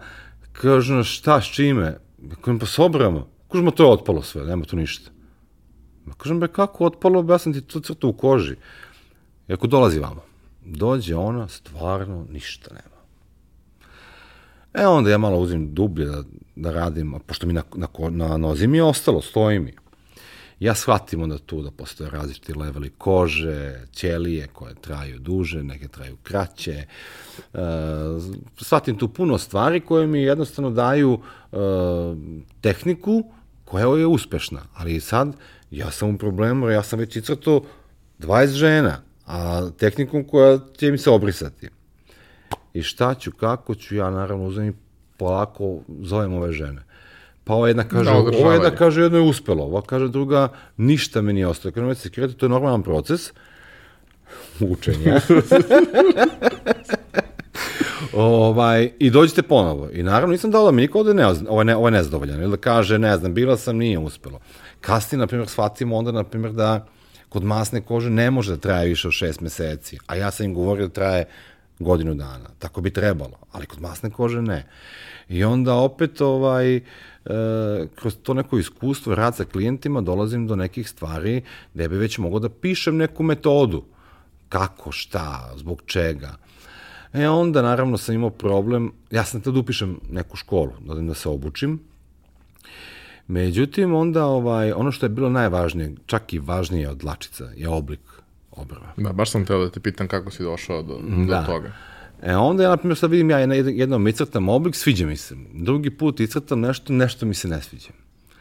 I sad bi tu rekli, pa dobro, to je ono, ne, ne, u ukusima se ne raspravlja. Međutim, ovaj, ne pomerim se ja s tim, a pritom da kažem, sve škole koje su do tada bavile icrtavanjem obrva, permanentnim make-upom, kad pričamo o obliku, tu su postale neka pravila iz kamenog doba, nešto kao ti na osnovu svog oka nešto. uređuješ. to, to. Da. da.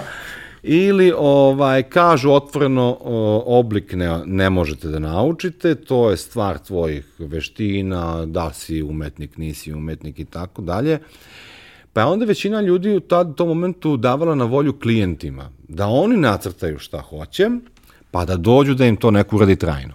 A šta je problem što klijent kad vam dođe, on donese sliku ovaj, neke lepe glumice, pevačice. Sa potpuno drugom fizionomijom. Da, tako je, ako može ili ovo dođe sa oblikom koji nema veze sa morfologijom, ničim lepim, ali ona navikla tako i ona tako hoće.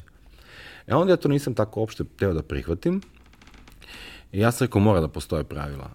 I ja sam onda istraživao, istraživao i sve što sam našao je stvarno, pritom sam istraživao dugo, ovaj, nije mi se nikako uklapalo. U, niti u proporciju, niti u, u prilagođavanje morfologiji lica. I jedno veče na TV-u, a verovali ne, gledam emisiju, između ostalog nešto je bilo o životinjama nekim zanimljivostima o zečevima i kako se zečevi razmnožavaju. Da se razmnožavaju po nekom Fibonaccijevom nizu. I tu u jednom momentu oni puste sliku Fibonaccijeve spirale, koja nema veze s obrama, ali ja vidim proporcije da bi tu mogle da, da se ova pravila prilagode tome.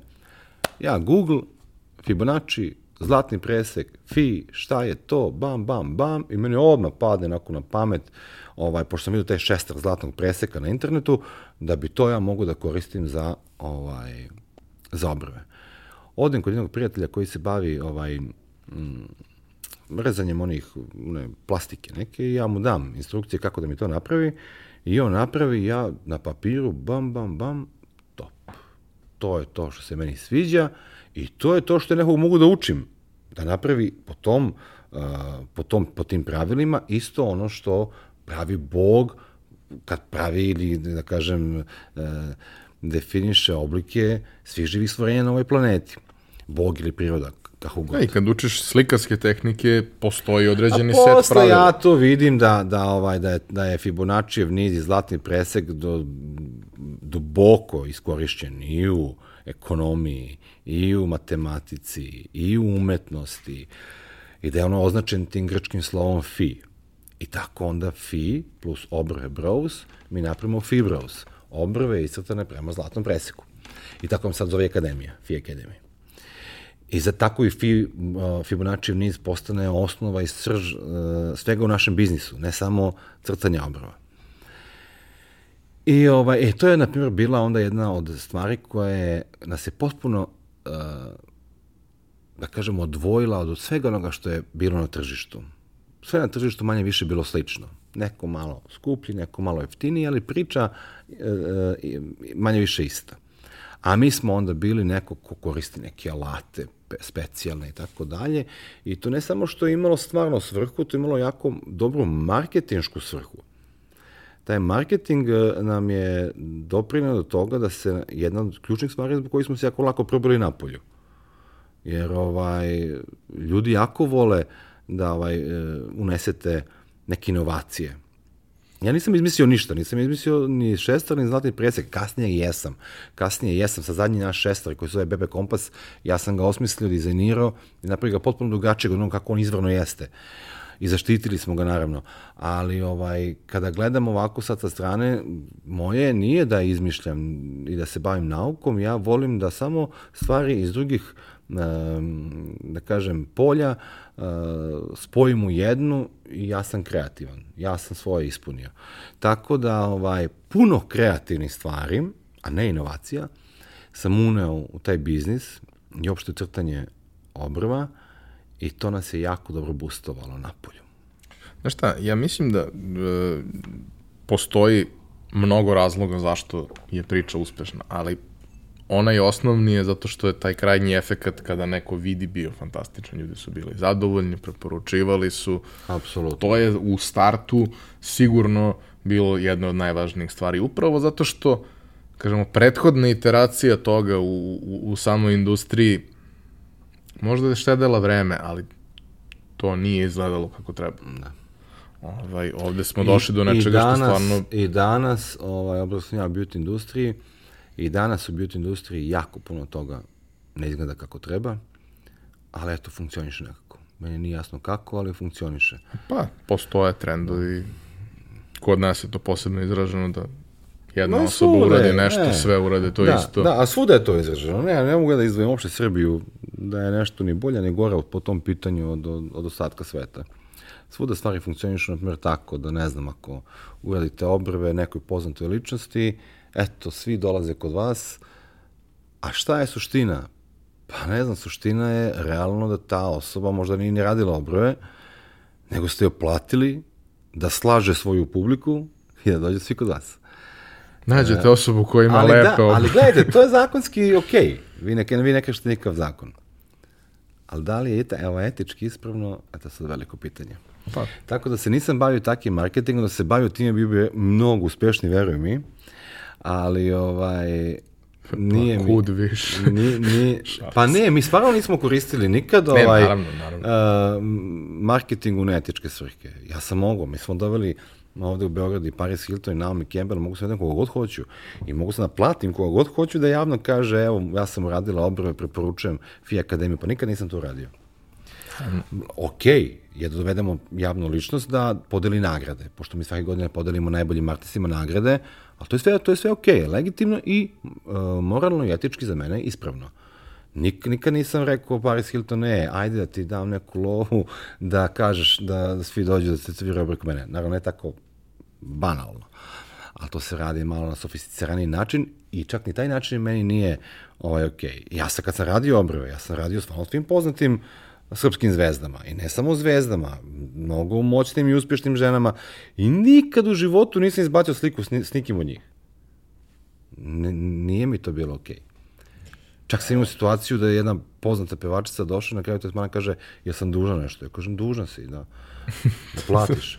ovaj, ona je bila toliko besna kad izlazila kolima iz salona, udarila u drvo, razvalila auto. Tako da, ovaj, da, tako da nisam ovaj, uopšte pristalica da u marketingu ono što je zakonski dozvoljeno da bude i prilagođeno našem radu. Imam taj neki, uslovno kažem, trip da, da se ne oslanjam na zakon, nego na neku svoju, ovaj, na svoje neka načela. A, rekao si kako je sve krenulo. Krenulo je sa salonom, krenulo je sa tretmanima koje si ti radio. Rekao si da i takođe pomenuo e, da si ubrzo krenuo da radiš edukaciju. Pa meni je bio neki cilj da počnem da se bavim edukacijom kao sledeći level u biznisu. I to nije bilo lako odlučiti se. Sad, pazite, ja radim 10 tretmana dnevno, puta neka lepa cena i ja jako lepo zarađujem. Sad treba da uđem u novi biznis potpuno, kome sam još ne isprobam. Mislim, ne isproba, ne znam da ga radim. To je potpuno drugačija veština. Bez obzira što ja vladam tehnikom crtanja obrva, vi sad ulazite u ozbiljan biznis. Mislim, ozbiljan. Za, za mene tad bio jako ozbiljan. Ali nisam ovaj, bio ni školovan, ni, ni spreman da uđem tad u to. I to je bila sreća. Da sam tad znao šta će sve da me čeka, nikad ne bi ušao. Što kaže moj prijatelj, jedan koji je radio, sve, ako se sećaš, pre bio onaj SDK, pre banaka. Da, da. E onda je on napustio SDK i otvorio privatnu firmu da bi bavio se uh, softverskim rešenjima za banke. I ja ga pitam kako je, sad to prošlo dosta godina, kažem da sam tad znao kako je, nikad ne bi napustio SDK. A sada se nikad ne bi vratio.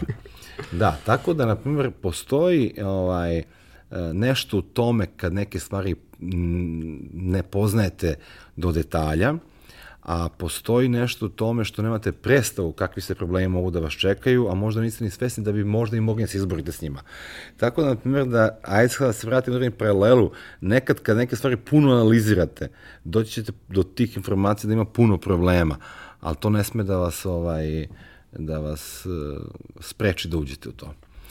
Tako da sam onda ja, ne znajući za sve te probleme koji će me zadesiti u buduće, ušao u to da se ja bavim sada um, praktično obrazovanjem, ok, to moje spada u ostalo obrazovanje, neku, neku ovaj, neformalno obrazovanje, ali ulazite u potpuno drugačiji segment, koncept, pristupa svega. I opet, naravno, uzim svoje analizice, krenem ja to lepo da radim i dođem do toga da mi je u jednom momentu Srbija mi je mala. Hoću ja da budem u celom svetu.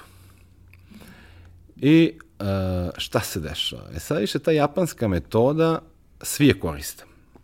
Sad ja imam problem, ja imam nešto, ja, ja, iako ja jesam izmislio to i taj dao taj naziv, metodu, prvo kao metodu ne možete da zaštitite, a drugo samo ime sad toliko već upotrebi i koriste i oni koji znaju šta je japanska metoda i oni koji ne znaju, oni koji sam ja obučio i oni koji nisam, svi koriste i onda odlučim ja tu da promenim ime i da dam Fibros. I sad opet i tu imate vi problem, ovaj, odjednom napuštate neko polje kojim vladate apsolutno, držite ga u malom prstu, tog, tih tretmana, i onda hoćete da uđete u jednom momentu u obuke koje su nešto potpuno nepoznato, da napustite čak i ime i, ovaj, i sve i da se bavimo obukama. I naravno prvih par meseci nisam ja sad imao nikakav tu specijalan uspeh. Pričao sam malo pre da sam ono, na, na 3000 adresa poslao ovaj, našu prezentaciju, to nije upalilo. Ali, naravno, nisam odustao, nego ho hoću da vidim je problem. Problem uvek postoji. I najčešće problem nije izvan nas. Ali 99% nije iznad nas. Problem uvek, ako ga nađeš iznad tebe, veruj mi da si u problemu. nisi na dobrom putu. Nisi vidio sve. da, nisi vidio sve. Tako da, na primjer, ovaj, i tad ja nađem šta su problemi, da problemi nisu ni u meni, nisu ni u tržištu, nego u tome da jednostavno sam ja promašio potpuno tržište. Iako bi bilo realno da to jeste to tržište. E onda, ovaj, lepo počnemo da menjamo ime, promenimo ceo koncept, promenimo naravno jezik na sajtu, na svemu, više me ne zanimaju ANRS forum, nego me zanima Beauty World forum. I onda tamo počinjem da, da, da kačim slike i tamo ovaj, počinjem da, da, da gradim ovaj ime. I naravno, sad već imam, sad se već napravio aplikaciju za digitalno merenje simetrije, pa imam šestar, pa imam lepe rezultate, imam svoje radove i nije mi bilo teško da uopšte ovaj, nisam čekao dugo da me drugi pozovu da dolazim u druge zemlje da, da držim obuke. Zaista, to je trajalo kratko jako. Ja, mislim, ja sam već... svakako je jako bitno da ti imaš jako dobru bazu već sad i rezultate da. i usavršio da. si sve prilično. Da. E onda, ovaj, krenem, naravno, ja već posle mesec, dva dana me pozove jedna žena u Brazil, odem u Brazil, održim tamo obuku, odem u Holandiju, onda odem u Nemačku, u Nemačku to je bukne, odem u Ameriku. Nisam ošte, zvali su me sa svih strana, stvarno, ali pojenta što, zašto su me zvali, tada već kada sam ja to radio, tada već više microblading nije bio nešto novo. I tad su ga već radili i u Americi i u Evropi, u tom već momentu, to je već prošlo nekoliko godina. Ali jednostavno ja sam bio drugačiji u smislu tom da sam imao, ne znam, drugačiji pristup merenju simetrije, merenju oblika, morfologije lica i tako dalje. I to je bilo jako zanimljivo. I bilo mnogo zanimljivo što sam muško. Što je ovaj, to, to ovaj, biznis u kome vladaju žene. I onda u startu mi je, na primjer, ta devojka koja je radila kod mene tretman obrva, ovaj, u mom salonu rekla, ali ne verujem da će, ne, da će iku dozvoliti da, da, da će žena dozvoliti da muškarac treba ove obrve. Ali ja to nisam nikad vidio da nekom problem, čak što više mislim da, da mi to bila i prednost. Sad u celoj toj industriji postoje milioni žena i postoje pet muškaraca. Tako da, ovaj, mislim da mi je to isto pomoglo, a definitivno a, najviše mi je pomoglo, je, opet se vraćam na ovo malo pre to što stvarno nisam imao predstavu šta ja u tom momentu radim Znate, ja, vi odete kao u Nemačku, držite obuku i vi praktično ovako uzmete prst i ubodete u oko svim onim velikim nemačkim uh, permanent make-up kućama koje postoje 20-30 godina. I onda sam, ovaj, imao sam i problema, naravno, sa njima, ali jednostavno nisam shvatio, ja kažem, pa dobro, ja držim obuke, ja niti koga pljujem, niti koga diram, ali ne možete vi baš tako da izađete na neko tržište. Znači, ovaj, postoje tu pravila, regulative, zakoni, kako se to radi. I onda sam, naravno, ja naučio na tim problemima da ja moram da jednostavno sve to dovedem u neki red, i da ja moram da počnem da se bavim proizvodnjom i tih pigmenata i tih alata i svega toga. Da, da zaokružiš to... celu da, nema da tu više, nema tu više Kina, ovo, ono, ne, Kina je uz svo dužno poštovanje u tom segmentu i dalje tamo gde je bila pre 20 godina u smislu ispunjavanja tih zahteva, visokih standarda i Evrope, ovaj, i evropskih svih država, Tako da, ko hoće da radi nešto ozbiljno ovaj, u tom profesionalnom, profesionalnom beauty industriji, nema šta traži u Kini, iskreno. Ali, ovaj, Nemačka je, na primjer, sjajna za to. Hemija, Nemačka. Da. E, onda ja, ja čujem da najveći proizvođač uh, boja je jedan Nemac, ja ga pozovem od... Pigmenata koji se koriste. Tih pigmenata, da. Ali naravno, ja sam već znao šta su problemi. Nemci su imali jako dobro usklađeno sa regulativama, ali kvalitet je bio upitan. Ja kažem, hoću to, to, to, to, ja njega pozovem, kažem, ti si Branko Babić, ja kažem da. Kažem, žao mi, ali ne možemo da radimo.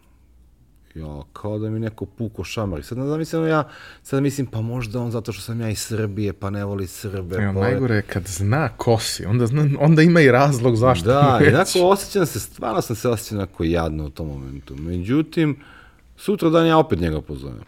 I tražim objašnjenje. Zašto ti nećeš da radiš sa mnom? Šta je problem?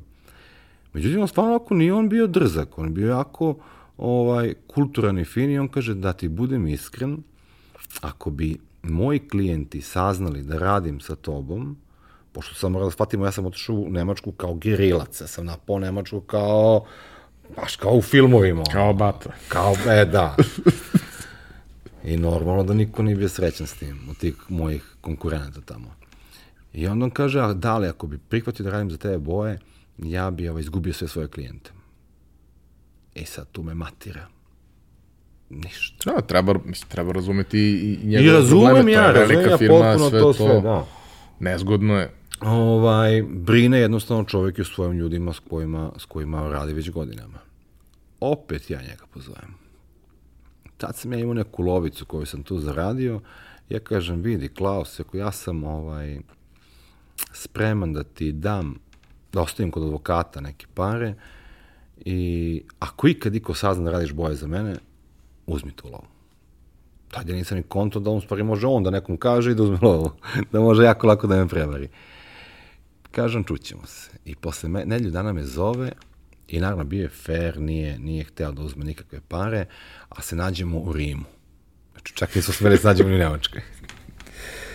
Ja mu kažem, treba mi to, to, to, to, hoću performanse takve, hoću to, ja sad, izmi, da, sad dam njemu bajku, to za njega, i, on kaže, čekaj, polako, ne može sve. Hajde vidimo šta je najvažnije. Daj mi jednu performansu koja ti je najvažnija. Ja kažem, najvažnije mi da ne mogu dobro, dobro budu crvene posle godinu dana. Kažem, ok, ajde radimo na tome. Kako se zove boja? Kažem, Fibros. S. Kažem, šta znači to S? Kažem, to je prvo slovo. Od čega? Ja kažem, od superb. Kad završimo sve. I sad smo na super. Fali nam još jedna. Da, da. Eto, posle pet godina ovaj, razvoja boja još uvijek nismo završili sve ono što smo pričali na prvom sastanku, što mi je trebalo. Tako da, ovaj, završimo mi to sve i umeđu vremenu postavimo njegovi najveći kupci i onda umeđu vremenu i on počne sam da se hvali da radi za nas. ovaj, I tako imamo jako lepu saradnju do, do, ovaj, dove, ovaj, doveden ga ovde često u Srbiju, ne u zadnje vreme baš često, ali pre dolazi mnogo češće na pečeno prase. I, Da, ti si rekao da taj ovaj deo aktivnosti kod vas u, u, u, firmi, da vi nemate te ovaj, eh, Playstatione i ostalo, ali da umete da obrnete prase ili neki Joj, kotlić ili mi nešto. stvarno nemamo ta vrčkala video igrice i to kao što ima u Google i ne znam, sad ima to i u dosta naših firmi. Evo danas, na primjer, kuvamo pasulj. Počinjemo za dva sata. Pa to je najlepši događaj ove nedelje za mene. I za moje zaposlene. Mi smo, sad ne možemo, znate, to ne mogu da, ja ne mogu da, ovaj, da objasnim to, ovaj, kako, kako je kuvanje pasulja ili pečene praseta za naše kompaniji praznik. I ovaj, tako da ovaj, nismo, nismo uh, klasični čak ni u tom team building ovaj, uh, smeru, imamo neke svoje, ovaj, znaš ono što, šta, šta volimo, to radimo. Ne mogu da sam vrčkala u firmu kad ne znam, kad ne, kad ne volim niko da igra vrčkalo, niti, niti da igra video igre. I glupo mi da vidim čak i u pauzi da mi neko sedi igra igrice. Znaš, ali u pauzi mi klopamo, pričamo, nešto spremamo, kuvamo i radimo. Kroz celo to vreme mi nešto radimo. Mi smo konstruktivni, donosimo odluke. Evo, juče smo donali iz Aranđelovca prase, isto. Nismo ga pekli. Dobro, mislim da znam i odakle, to, to je ono što je strašno. To Celo je najjače na svetu. Jeste, jeste, kada ga slože ko bajaderica. E, ali veruj mi, kad se sve podvuče crta, mi smo umeđu vremenu napravili stvarno najveću kompaniju na svetu u permanentnom make-upu. Ne, kad kažem najveću, mislim po, po svakom parametru. To nije ogromna grana, to nije ogromna industrija, to nije IT. Pa vi kažete kad ste najveći u IT-u, vi ste multimilijarderska ovaj, kompanija. Naša, naša branša je za sada mala, a mi ćemo se širiti, naravno, u druge branše.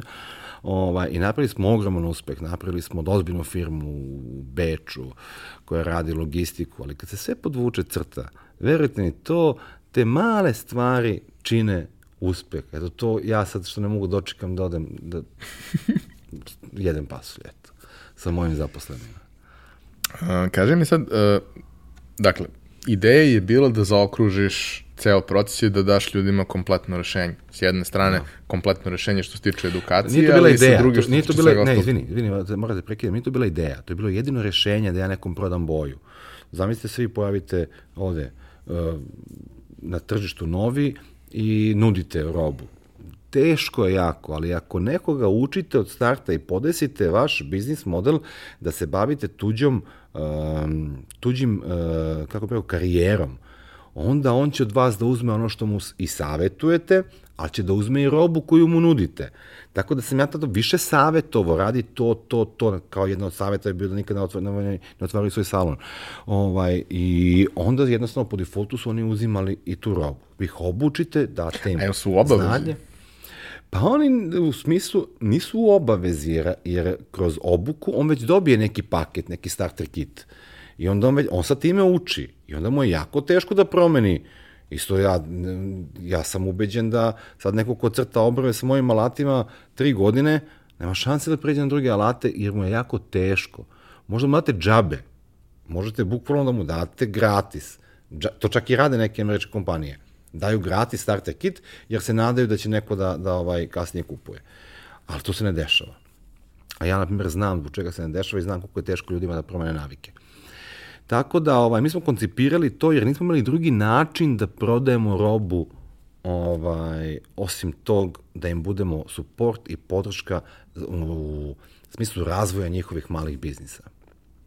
E, ali kada si, kada si krenuo u tu ekspanziju, a, imao si gomilu nekih izazova koja si morao da rešiš, svako tržište, ne baš svako tržište, ali da kažemo svaka regija, kao što EU ima neke svoje zajedničke propise, Amerika no da, jedna ima država svoje... je od kantona do kantona ili od regije do regije ima potpuno različite uh, regulative. Tako da to Kako je to funkcionisalo? Šta su bile stvari sa kojima si se sretao i kako si ih rešavao?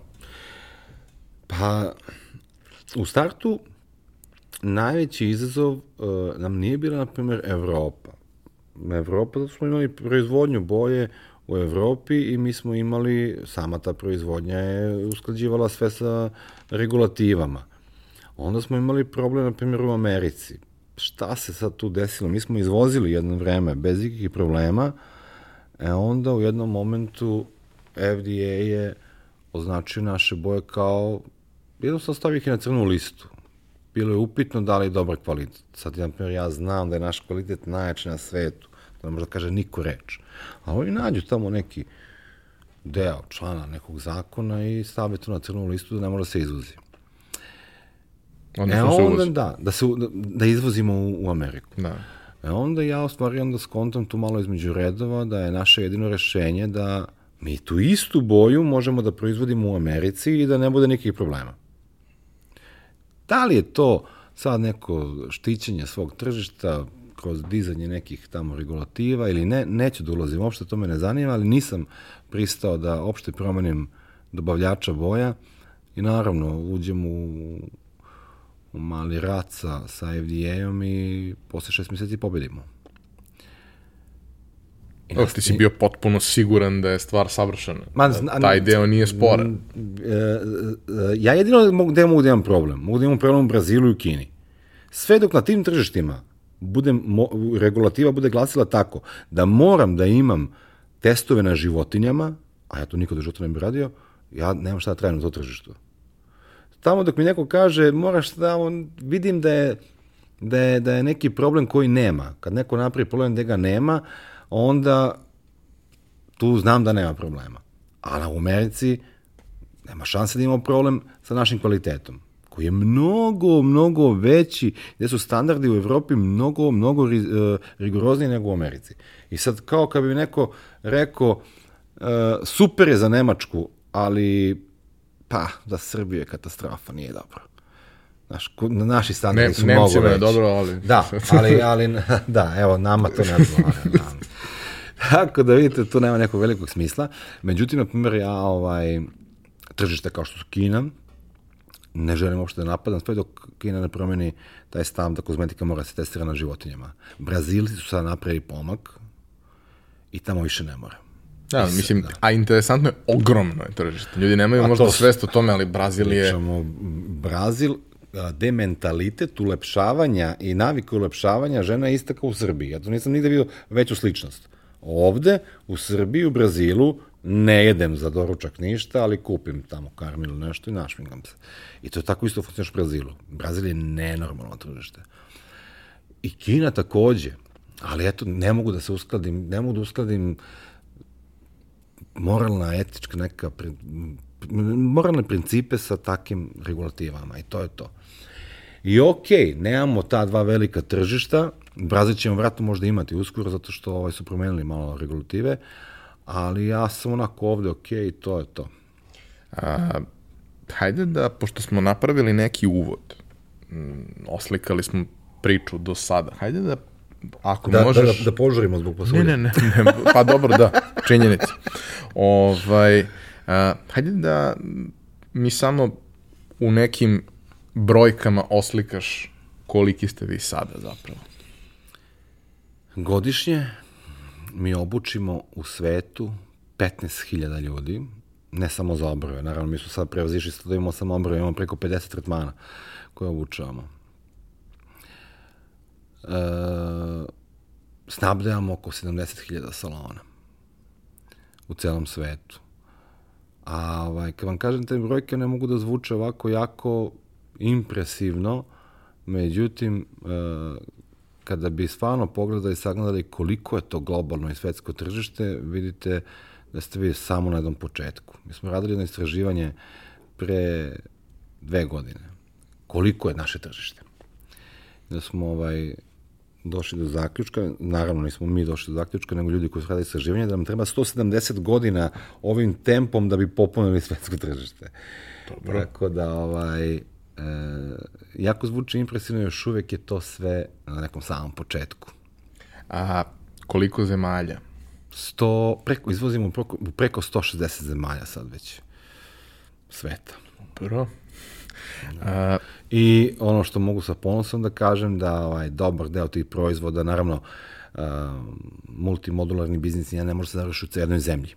Tako mi se trudimo da što je, ono sve što možemo da proizvodimo u Srbiji, proizvedemo u Srbiji.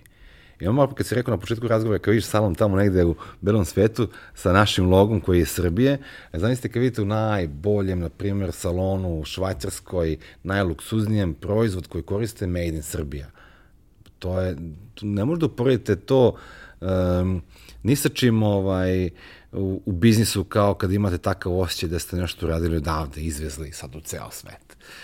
Naprimjer, ovde smo organizovali u Ratku, u selu gde sam ja rođen, jednu proizvodnju, napravili smo fabriku tamo za uh, sklapanje alata za, uh, ovaj, za jednokratnu upotrebu, za tetoviranje. I to se odatle izvozi u apsolutno svih tih 160 zemalja, to je srpski proizvod. I, ovaj, I to je nešto, na primjer, na čega sam jako ponosan.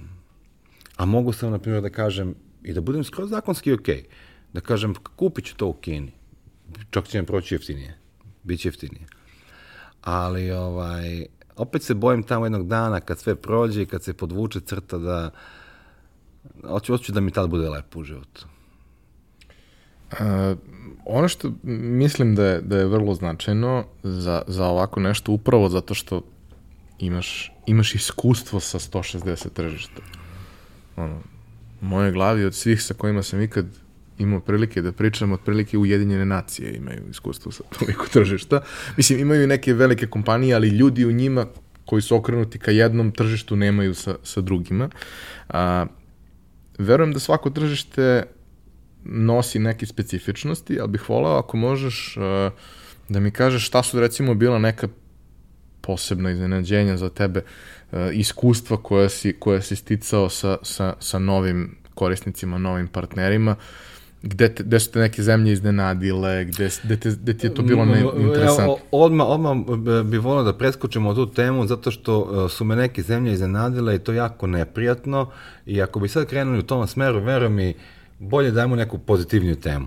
Tako da, ovaj, ako, ako imam neko pravo da nešto preskočim, evo, voleo bi ovo, ovo, ovu temu. A, imam jednu temu koja se naslanja na tu, ali verujem da je mnogo pozitivnija, a to su a, te priče ljudi koji su zahvaljujući metodi koju si osmislio i, i celom sistemu napravili sebi uspešan život, napravili sebi neku dobru priču. Rekao si da ste, da ste organizovali događaje na kojima ste najboljima iz celog sveta dodeljivali nagrade, Da, ali volao da- bih neke od tih priča da podeliš. S tim da ti najuspešniji nisu i najbolji. Ovaj, kad pričamo o tom nekom uspehu, onda obično se to vezuje za, za, za novac. Ali generalno jesmo promenili jako puno života na bolje u celom svetu i u Srbiji naravno. Ovaj, ali to su sve to priče koje, koje su onako protkane nekom emocijom. Naprimjer, mi smo bili u Brazilu jedne godine i ovaj, devoj, imali sam, sećam se, imao sam dve obuke. Sad lupam. Jedna obuka, pa druga obuka. I imam devojku jednu koja se javila ovaj, na tu drugu obuku, a ova prva je bila u njenom gradu.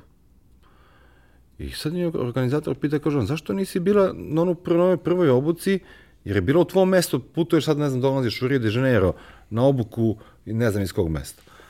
Kaže ona, nije ako verujete, kaže, nisam, nisam, nisam, nisam uspela da skupim novac, kaže, juče sam uspela da prodam sat koji sam dobila na poklon. Znači da proda sat da bi došla na, na obuku. Koja je to želja? I evo, tri godine posle toga, ona je već prošla sve levele, postala master, ima svoje studente, ona sad živi stvarno, ona živi svoj san. I onda kad, kad se, na primjer, ovaj, e, ma kad vrati malo film, ovaj, kad vidim koliko takvih priča, a ima ih hiljade i hiljade i hiljade u svetu, gde su ljudi bukvalno onako, samo sa željom napravili ovaj, neke lepe stvari, onda ne možete da budete neispunjeni. U svakom smislu. A, I čak tu i profit se stavlja po strani. Sve se te stvari materijalne stavlja po strani ovaj, i izgradi se jedan potpuno drugačiji i odnos sa svima njima, ali i naravno i osjećaj prema biznisu. Pa imali smo, na primjer, da, s tim ja moram da napomenem, ja moram da budem nenormalno zahvalan našim ljudima koji žive u inostranstvu. To je bila jedna od prvih karika. Nisam ja e, baš e, sad objavio sliku i pozvao me tamo neko, neki Nemac. Pozvala me naša žena koja je s naših prostora živi tamo. Tako isto i u Austriju i u, i u većinu zemalja, ok, u Brazilu ne, ali sam u Brazilu opet imao našu ženu koja mi je mnogo pomogla, koja mi je radila prevod. Tako da, na primjer, te, te ovaj, naši ljudi koji su se iselili iz Srbije su mi bili jako važna karika. I oni su postali prvi predstavnici naše metode. I oni su prvi koji su to uzeli odavde. U Austriji Vesna Jugović, u Nemačkoj Zlata Kicin, Norveškoj Tanja Đerić, u Americi sad Ana Nikolin. Svuda sam tu nekako bio povezan sa tim našim ljudima. E onda, posle nekog vremena, to budu i Nemci, i Holandjani, i Amerikanci, i svi ostali. Ali, ovaj, pitanje je veliko koliko bi ja zapravo uopšte uspeo da negde proguram nešto da nisam imao naše ljude u tim zemljama. I moram da budem jako zahvalan na tome, da budem iskren. Tako da ovaj e, bio sam oslonjen dobrim delom na, na, ovaj, na naše ljude koji žive preko. I šta bi tu, na primjer, pričamo o Zlati Kicin, koja je sad pre, naš predstavnik u Nemačkoj, jedna od osam predstavnika, čija je životna priča potresna, i presrećna, i zanimljiva, i čak i snimljena u jednoj emisiji. Žena koja je otišla, ali bukvalno, jela iz kontejnera. Znači, uopšte ne preveličavam, ona i brat. I, ovaj, i za dobije neki posao od, od, Nemačke da bude ono part-time medicinska sestra i krene tu, među vremenu se juda i krene ta priča nekim tokom, međutim i dalje je sve to jako težak život. I onda skupi neki, neki, neki novac, sakrije od muža i ode na obuku kod mene. Da. I, ovaj, i dođe u situaciju da, da muž hoće da se razvede od nje zbog toga što je otišao na obuku. A iz cele te priče sad dođe, na primjer, na to da bude najuspešnija biznis žena u beauty industriji u Nemačkoj. I onda kad imate takve priče koje su proizašle iz te vaše priče, to je kraj. Dobro. Mogu se da ti navodim još ih, ali pasulj. Jasno mi je, jasno mi je. Ne, e, potpuno mi je fantastično ovaj, kad možemo da se oslonimo na te neke ljudske momente koje, koje, koje mogu gledalci da razumeju, da, da prosto uh, to zapravo radi i radi na mnogo mesta uz, naravno, sigurno neka prilagođavanja okolnostima, tržištu, ali kao neka pravila koja su dobra osnova funkcionišu svuda. Pa evo mogu ti kažem, na primjer, eto, ja mislim tako da ovaj razgovor pomenuli dosta tih nekih univerzalnih pravila. Zaboravi svoj osjećaj, intuiciju u svakom rešavanju i odlučivanju. To je, na primjer, univerzalno. To ne može da bude nigde, nigde ne, uh, izostavljeno. I takvih pravila postoji puno. Ovaj, ljudska ubeđenja, ljudsko okruženje, prijatelji, ovaj, nismo svesni koliko to može naskoči. Realno. A, šta, vi ste sad već nekoliko godina u ozbiljnoj ekspanziji i sve to raste. Dobro, mislim, napravili smo ozbiljnu priču. Eto, na primjer, pre nekoliko dana smo dobili, ovaj, ušli smo u top 10 uh, uh, komp stranih internacionalnih kompanija u Austriji. To što je, mislim, pokazatelj koliko ozbiljno se bavimo biznisom. I na toj listi smo iznad Siemensa i iznad uh, Austrian Airlinesa. Tako da, ovaj, bavimo se ozbiljno, iako to ne izgleda, možda nekad, nekad jako ozbiljno. Ma ja bih rekao da izgleda baš, baš ozbiljno. A, I tek smo na početku. Šta, kad kažeš da ste tek na početku, šta je neki plan za dalje?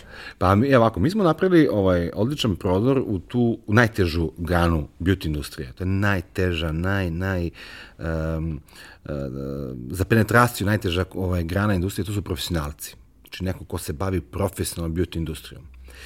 Vi ne možete njem, ta, takvim ljudima da prodate priču ovaj, o tome kako ćete vi jesti kolagen, pa će kolagen da izađe u vašu kožu. Ne možete da im prodate priču o tome da se vitamin C maže na kožu, jer oni znaju da vitamin C usled eh, kontakta sa suncem se raspada na temperaturi preko 60 stepeni se isto takođe raspada, da uopšte ne može da uđe u kožu. Znači, vi ne može, ono što danas beauty industrija priča krajnjim korisnicima, to je jedna šarena laža i to pije vodu. Ali profesionalcima ne možete to pričati. E sad mi smo uspeli tu da uđemo u taj najgori ovaj, sloj tih profesionalaca. Oni, naravno, mi imamo više kupaca nego što imamo klijenata, nego što imamo studenta. I nije nam problem to. To najteže tržište smo osvojili. E sad je pojenta da hoću da osvojim globalno tržište u smislu krajnjih korisnika. Ali to znači izgledate sa posebno, potpuno, potpuno drugačijim filozofijom i to je plan za sledeću godinu. Mi smo već počeli na neki način da ispitujemo tržište jako davno ovaj, šta ćemo, kako ćemo, gde ćemo, u šta ćemo da, da, da upremo. Ali to definitivno neće biti ovaj, ništa slično onome što se danas e, prodaje i, i radi.